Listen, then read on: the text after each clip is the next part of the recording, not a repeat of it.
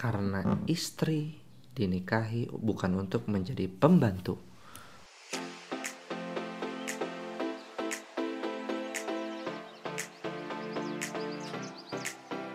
Assalamualaikum warahmatullahi wabarakatuh. Ketemu lagi sama saya Canun Kamil di podcast Jodoh Dunia Akhirat. Sobat jadi sekalian, tentu seorang wanita dinikahi untuk menjadi seorang istri dan seorang istri tentu dinikahi bukan untuk menjadi seorang pembantu. Maksudnya apa sih? Kalau misalkan uh, apa istri seorang perempuan dinikahi itu kan bukan buat sekedar untuk masak, bukan sekedar untuk nyuci, atau juga bukan sekedar untuk sekedar beresin rumah. Karena kalau menurut saya pada dasarnya ada tugas yang lebih besar loh daripada itu semua, yang jauh lebih menantang yang perlu dilakukan sama seorang istri. Apa itu? Istri itu sebetulnya untuk menjadi partnernya suami. Partnernya suami buat apa? Buat bareng-bareng untuk membangun generasi yang jauh lebih baik lagi ini pekerjaan yang sedemikian menantang daripada dalam hemat saya daripada sekedar uh, masakin gitu. Tentu memang masakin itu juga penting karena nyiapin nutrisi itu juga sedemikian penting. Tapi hal itu kalau misalkan kita mau ambil prioritas gitu, kalau kita mau ambil prioritas uh, tentu skala membangun generasi itu jauh lebih penting daripada sekedar nyuci ngepel. Karena apa? Karena uh, istri itu kan partner jadi kalau misalkan ibaratnya ada yang bilang ibu itu adalah madrasah bagi anak-anaknya, maka uh, sebetulnya ayah itu kepala sekolahnya.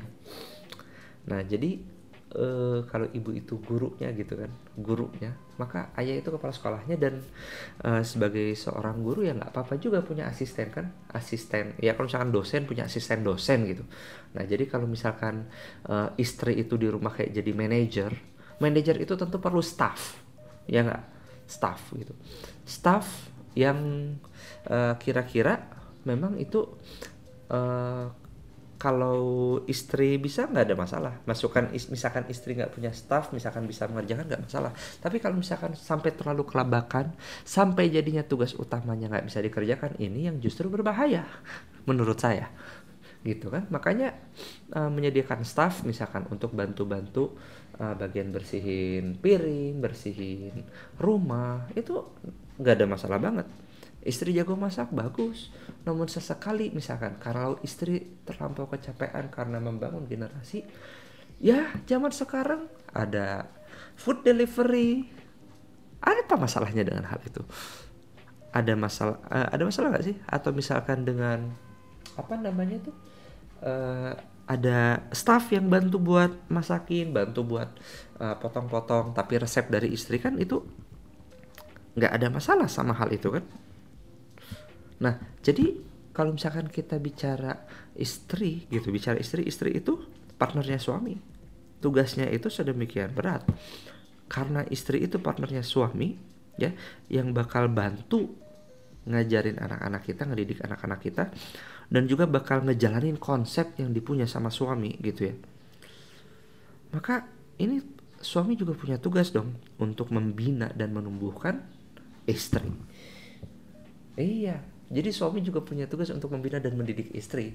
Alih-alih daripada sekedar menuntut, menuntut, menuntut, menuntut, dan menuntut. gitu. Apalagi kan dulu kita akad. Waktu akad dulu yang perlu layak untuk di apa namanya dipikirin dalam-dalam itu sobat jadi sekalian. Dulu tuh akadnya bukan hanya sekedar sama wali tapi itu akadnya tuh benar-benar langsung sama Allah subhanahu wa taala.